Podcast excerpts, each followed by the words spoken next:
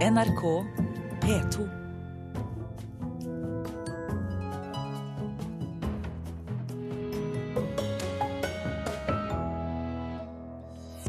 Regjeringen må ta ansvar for de verneverdige trehusmiljøene i Norge, mener Fortidsminneforeningen. Bjørn Eidsvåg og Siri Nilsen ble æret da Prøysenprisene ble delt ut i går kveld. Og Det er 200 år siden Adolf Tidemann ble født. Nå kommer ny forskning om den nasjonalromantiske maleren. Her er Kulturnytt i Nyhetsmorgen med Thomas Alverstein Ove. Et fredet hus fra 1840 og tre andre vernede hus eh, i den unike trehusbebyggelsen i Lærdal er blant de mange bygningene som brant i helgen. Trehusmiljøene i Norge er så viktige at ansvaret for å sikre dem ikke kan ligge på kommunenes skuldre alene, mener Fortidsminneforeningen. De ber regjeringen ta et større ansvar for brannberedskapen. Det er jo slik at når det brenner, så blir kulturminnet borte. Og vi får det aldri igjen. Det sier eiendomssjef i Fortidsminnevernforeningen, Eli Sofie Torne. I brannen i Lærdal i helga brann ett freda og tre verna hus ned i det verneverdige trehusmiljøet fra 1700- og 1800-tallet. Lærdalsøyri er noe av det nærmeste vi kommer i en slik europeisk landsby, og den er spesiell. Det er kommunene som står med hovedansvaret for brannsikring av verneverdige bygg.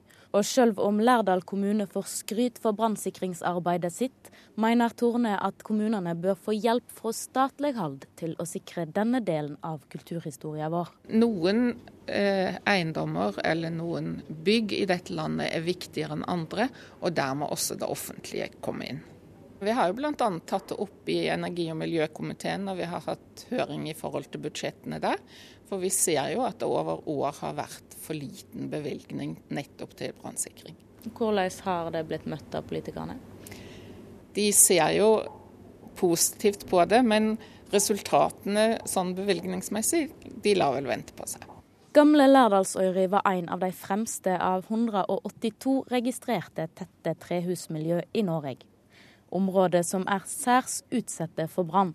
Og det har vært større branner i disse i bl.a. Bergen, Trondheim og Risør. Vi har jo hatt dessverre altfor mange kirkebranner, men eh, det har jo vært eh, branner ellers. Sjøbuer i Risør f.eks. og i Bergen, som ikke kan erstattes.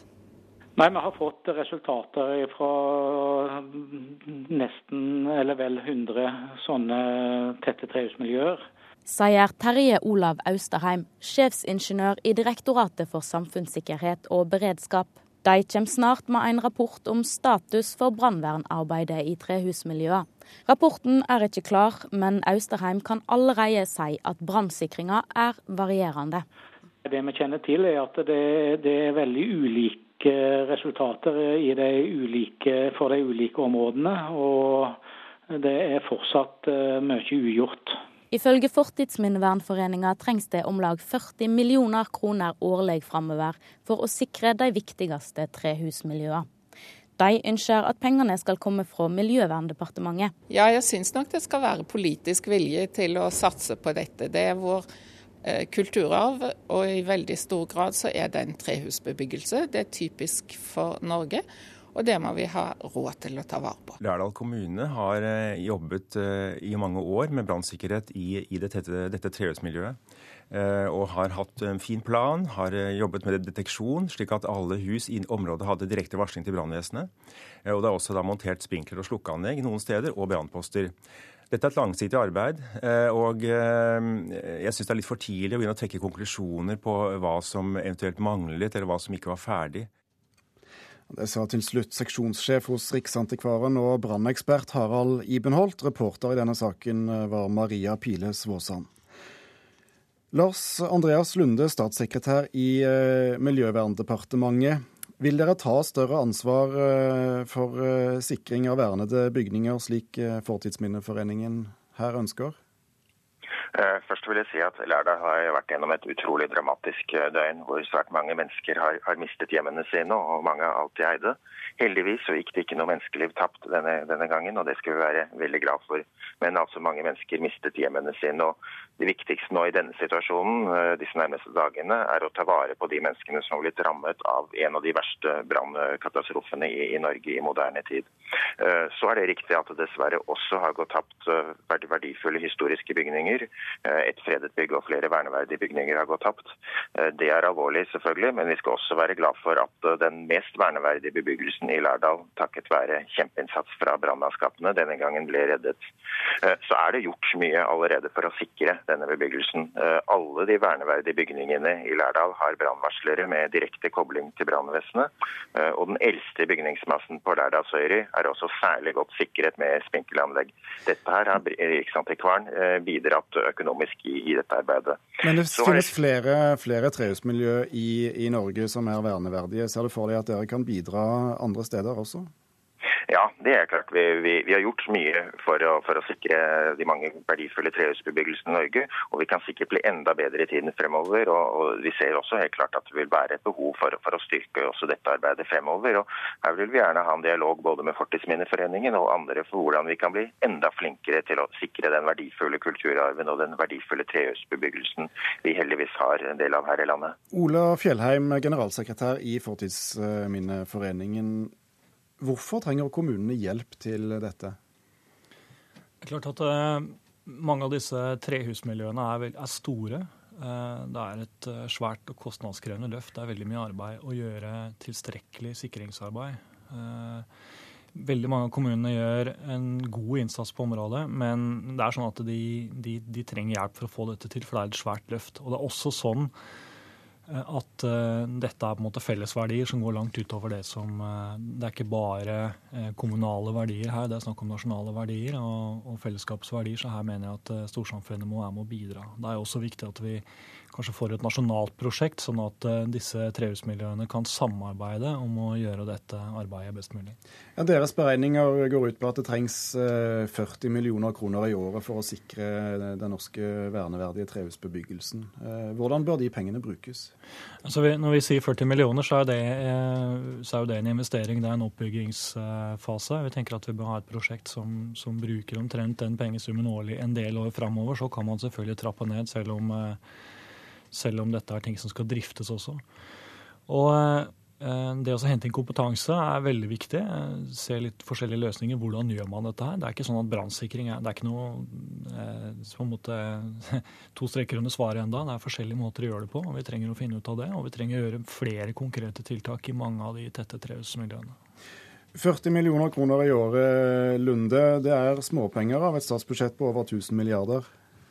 Ja, jeg tror ikke vi her og nå skal, skal diskutere budsjett eller gå inn i, i budsjettsaker. Det får vi komme tilbake til. Men, men, det er helt klart at storsamfunnet har en viktig rolle i å bidra i, sammen med kommunene i å, i å sikre denne viktige bebyggelsen. Derfor har også storsamfunnet gjennom Riksantikvaren bidratt til brannsikring i Lærdal og andre steder. Og, og, det skal vi fortsette med og, og videreføre i, også i årene fremover. Nå kommer det, som vi hører, en rapport uh, fra Direktoratet for samfunnssikkerhet og beredskap. Uh, hvordan kommer dere til å, å ta fatt i den? Eh, vi vil jo nå med, med, tid og stunder. Da. Etter at nå får vi nå, etter at nå får vi konsentrere oss først de akutte behovene i Lærdal. Men det er klart så vil jo vi etter hvert også se nærmere på denne rapporten og se hvordan vi i, fremtiden kan bli flinkere i, i å sikre denne bebyggelsen. Fortidsminneforeningen jobbet selv med prosjekter i, eh, i Lærdal som ble påvirket av brannen. Hva er det som har gått tapt? Det er klart det blir, det blir lite i sammenhengen i forhold til uh, mennesker som har mista huset sitt og alt de eier. Men uh, vi hadde lokale frivillige engasjert i, i, et prosjekt med å sette i stand noe som kalles Losjehuset som et veldig viktig samlings, altså eldre samlingspunkt i, i eh, miljøet på Lærdal. Og, og de jobba med å sette i stand huset, bl.a. på dugnad. Og kjørte en del kurs og sånne ting. og Malte opp huset. og Det begynte å bli bra. Var på vei til å på en måte si at det var berga, og det var et av husene som, eh, som brant. Så det, det var jo spesielt trist for oss, for å si det sånn. da. Nå var det mye dårlig vær og mye uflaks i, i brannen i Lærdal, men, men, er eh, beredskapen god nok på, på slike steder? Det ser jo ut til at, så sånn som vi oppfatter det, så ser beredskapen i Lærdal ut til å ha vært veldig bra. Og de har gjort en utrolig god jobb, en fantastisk innsats. Eh, det er innmari viktig at lokal beredskap er på plass, og at den er slagkraftig nok i sånne tilfeller. Fordi når det skjer noe, så må man ta branntilløp veldig veldig tidlig. Det er det man har, da man har mulighet til å gjøre det. Så vi vet jo at andre steder i Norge så er det diskusjoner om den lokale beredskapen, og hvor man legger, eh, legger eh, samler brannvesenet f.eks. langt unna sånne miljøer. Og da vil man ikke ha sjanse til å stoppe eh, en, Når situasjonen er sånn som den var i Lærdal, så vil man ikke ha sjanse til å stoppe det. Så jeg vil si at noen steder er det bra nok, men andre steder så er det ikke det. Og man skal passe veldig på for ikke å svekke det. Takk skal du ha, Ola Fjellheim, generalsekretær i Fortidsminneforeningen. Takk også til eh, Lars Andreas Lunde, statssekretær i Miljøverndepartementet. Vi skal vende oss til eh, kulturkommentator eh, her i NRK, Agnes Moxnes. Hvor stor jobb er det å sikre verneverdige bygg her i landet? Jeg tror nok Ola Fjellheim vet det atskillig bedre enn meg, men vi hører at det er mengden bygg og fredede bygg i Norge er jo veldig, veldig stor.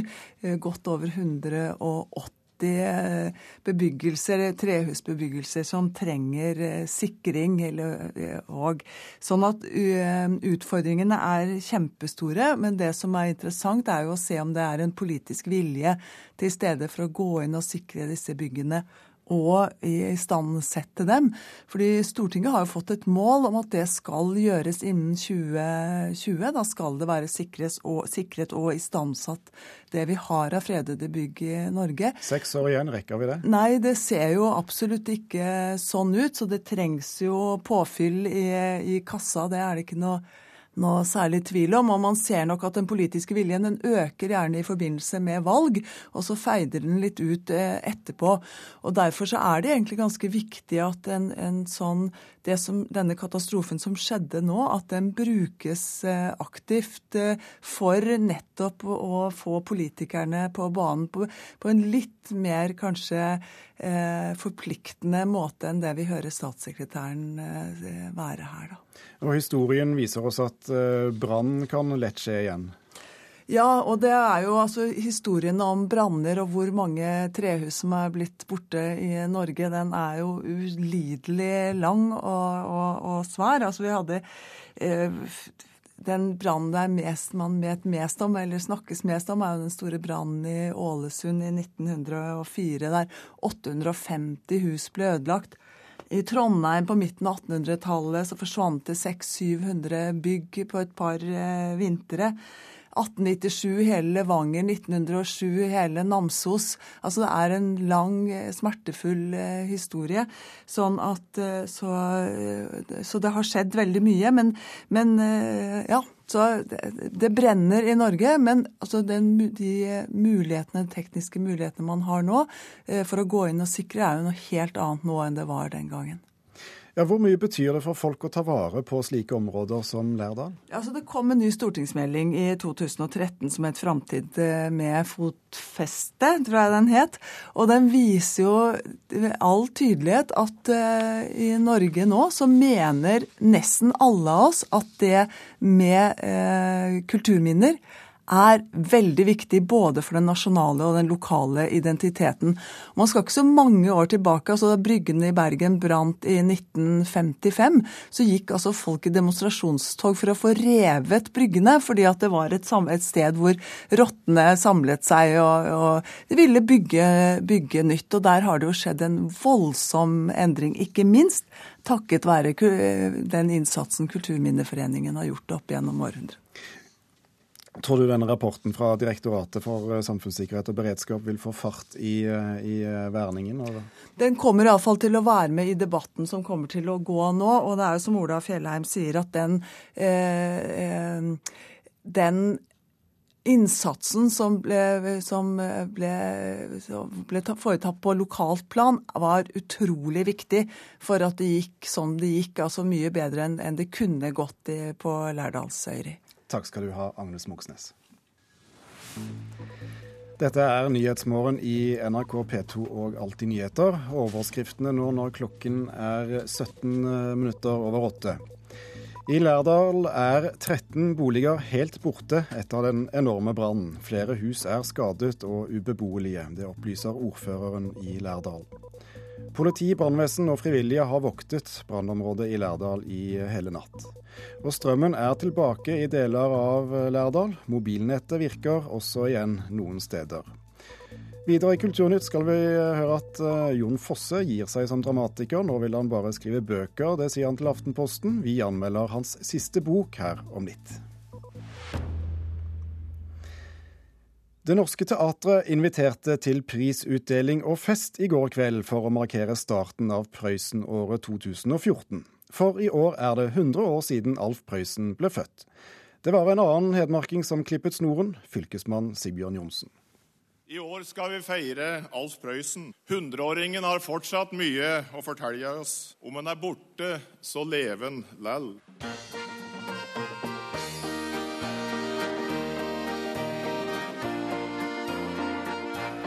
Så kom de på rekke og rad, prisene som kanskje var ekstra gjeve i et jubileumsår.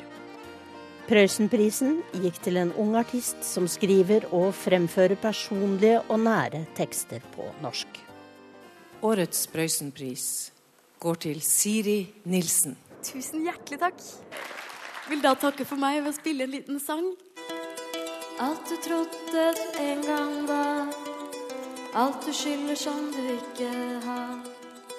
Alt du tror og du tviler på, du vet at en gang må du la det gå, la det gå. Hva betyr Prøysen for deg? Det er jo en del av vår kulturarv i Norge det er jo noe for alle, for liten og stor. Og uansett hvor man er i livet, så kan man finne noe i teksten hans. Hvilke sider ved ham eh, syns du er mest spennende? Den ukjente siden. En annen kjent hedmarking, Sylvia Brustad, gikk på scenen for å dele ut selveste æresprisen. Årets ærespris går til Bjørn Eidsvåg. Tusen hjertelig takk. Dette var veldig stas. Det, nå føler jeg meg bæret. Jeg har et sterkt forhold til, og nært forhold til Prøysen. Han er, eh, han er liksom en av de stemmene som har fargelagt min barndom og oppvekst. Jeg var veldig glad i stemmen hans lenge før jeg visste hva han snakket om. Eh, og etter hvert da fikk jeg liksom oppdaga historien hans og sangene hans. og Min mor sang for meg Teddybjørns vise fra jeg var bitte liten, og jeg var litt lei meg for at ikke jeg het Teddybjørn. Jeg er en gammel teddybjørn, så snill som bare det. Og hver gang jeg skal bomme litt, begynner jeg å le. Det har jeg lært av Mariann, det er hun som eier meg. Og ingen kan vel tøyse slik som Mariann og jeg. Når Mariann har lagt meg og jeg vet at det er kveld, så brummer jeg en vise jeg har laga meg selv. Og visa kan jeg synge på en gammel melodi. Fra den gang jeg var stor gevinst på sirkustivoli. Det var et veldig stil. Hvilke sider av ham syns du er mest spennende? Nei, Jeg syns jo at eh, der hvor han, hvor han, tar litt parti, da. Hvor han på en måte med sin milde røst og gode fortellerstemme eh, slåss for de svakeste. Og det gjør han jo ganske mye, ganske ofte. Men på en så forunderlig mild og du merker liksom ikke det politiske kruttet eller kruttet i det før du har hørt det en del ganger. Et tvillingpar stakk av med Teskikjerringprisen. Svein Nyhus illustrerer barnebøker. Egil Nyhus er avistegner. Guro von Germetten, vokalist og trekkspiller, låtskriver og produsent fra Hammerfest, fikk et arbeidsstipend på 250 000 kroner. At Prøysen også kan være internasjonal, slo Aisa Tobi fast. Han er marokkaner og sang Jørgen Hattemaker på arabisk.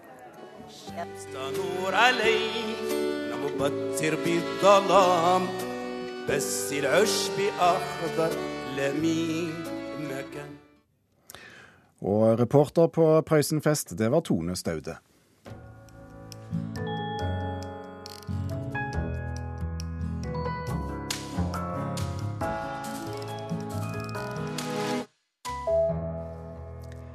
Jon Fosse har de siste årene gitt ut to fortellinger som utspiller seg i et førmoderne Bergen og omegn.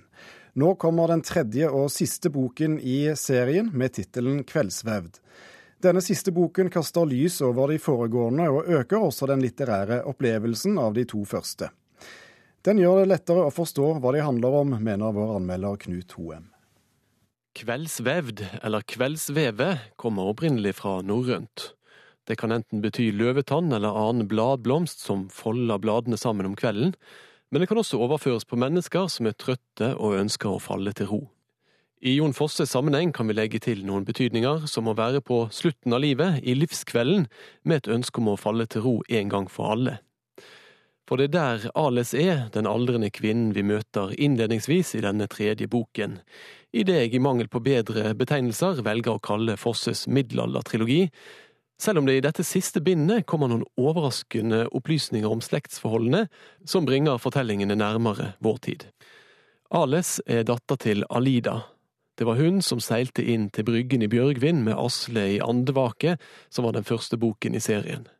Asle spelemann som sin far, Alida er mørkhåret og utstøtt av sin mor, som kan fortelle at Alida er den vonde og søsteren Oline er den gode. Hun er den svarte og Oline er den hvite, og det er dette, forholdet mellom det lyse og det mørke, som disse bøkene handler om. I et 20 år gammelt essay med tittelen Negativ mystikk forteller Fosse om sine to besteforeldre, som begge var rotfestet i det han kaller den norske puritanismen, pietismen og kvekerdommen. Selv omtaler han seg her som en postpuritanist. På samme måten som besteforeldrene var vendt mot sin egen kristne verden, så vil Fosse skrive romaner som på samme vis er i sin egen verden, ikke vendt mot den ytre. I tillegg til puritanismen er det musikken som har vært avgjørende for Fosse, men her er det fra gammelt av en motsetning. Moren til Alida representerer den trangsynte pietismen, for henne er musikken djevelens verk og helt klart på den mørke siden av tilværelsen. Datteren ser det annerledes, det er i felespillet at kjærligheten flommer ut og skaper en himmel over den trøstesløse tilværelsen. Men så enkelt er det ikke, for den elskede Asle, som vi alle som leser disse bøkene sympatiserer med, har litervis med blod på hendene. Så om musikken kanskje ikke er djevelens verk, så har musikeren djevelen i seg. Slik bølger, bokstavelig talt, disse fortellingene til den sene postpuritanske fosse frem og tilbake, mellom lys og mørke, helt til de to smelter sammen til sin egen verden, Fosses verden, hvor vi først ser det lyse i det mørke, så ser vi det mørke i det lyse, for så å erkjenne at det er ganske mye mørke i det mørke. Alt dette i en type litteratur som har den utpregete fordelen at den ikke ligner på noe annet som skrives ellers i Norge eller i verden. Fosses litteratur er sin egen verden. Det mente Knut Hoem, som hadde lest 'Kveldsvevd' av Jon Fosse. Vi har allerede vært innom ett jubileum i denne sendingen, men vi skal ta med oss ett til. For denne uken starter feiringen av 200-årsjubileet for en av våre største malere i norsk kunsthistorie. Adolf Tidemann, kjent for bildene 'Haugianerne' og 'Brudeferden i Hardanger', ble født i sørlandsbyen Mandal i 1814. Som en del av grunnlovsjubileet skal kunsthistoriker Tone Klev Furnes presentere ny forskning om den kjente nasjonalromantiske kunstneren. Hei, hei. En eldre dame går forbi kunsthistoriker Tone Klev Furnes og inn i barndomshjemmet til det som er en av Norges mest betydningsfulle kunstnere. I dag brukes eh dette barndomshjemmet til Adolf Tidemann som senter for eldre. Rett ved Mandalselva, i det som nå heter Tidemanngården, ble lille Adolf Tidemann født for 200 år siden. Adolf Tidemann han forteller at han seilte med sine småbåter på elva. Og På den tida så gikk elva helt opp her som hagen er. Men han seilte på elva i sine småbåter, og vi kan tenke at han har seilt akkurat der som det nye broa hvelver seg over elva. Et steinkast unna barndomshjemmet og over den nye bybroa Adolf Tidemanns bro ligger Buen kulturhus, som skal huse det store 200-årsjubileumet for den nasjonalromantiske kunstneren. Se, her er det mm, brudeferden her. Er det Sørfjorden?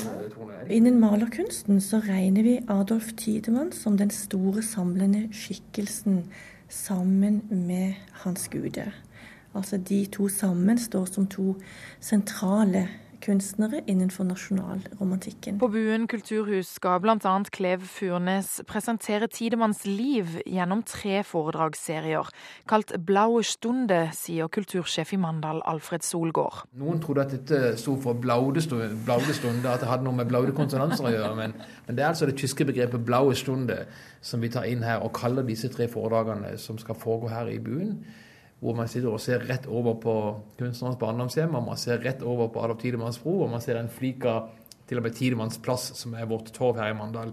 Så det er ingen sted i verden hvor man kan sitte og være så Tidemann nær og ha disse tre foredragene, er min uærbødige påstand. Dette er utdraget fra kirkeboka som viser når Adolf Tidemann ble døpt. Siden 2010 har Tone Klev Furnes skrevet på en bok om Tidemann, og forska på hans liv, bl.a. i den tyske byen Düsseldorf, der han bodde i 40 år. Jeg har også jobbet, jobbet en del med pressen, altså hva ble skrevet eh, om Adolf Tidemann i hans tid i Tyskland. Ja, Hva ble skrevet? Eh, tysk presse var spesielt også opptatt av eh, Adolf Tidemanns berømmelse.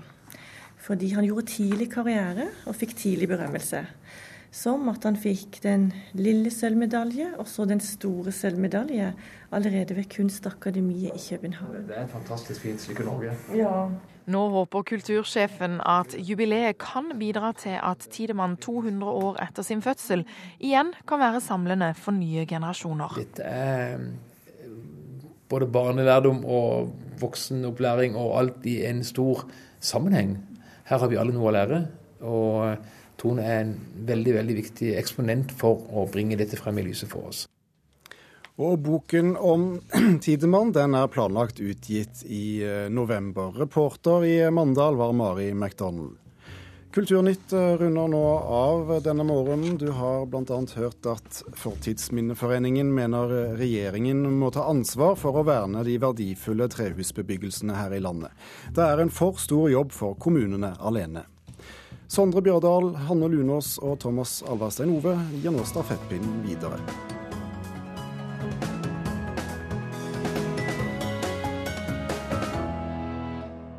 Hør flere podkaster på nrk.no podkast.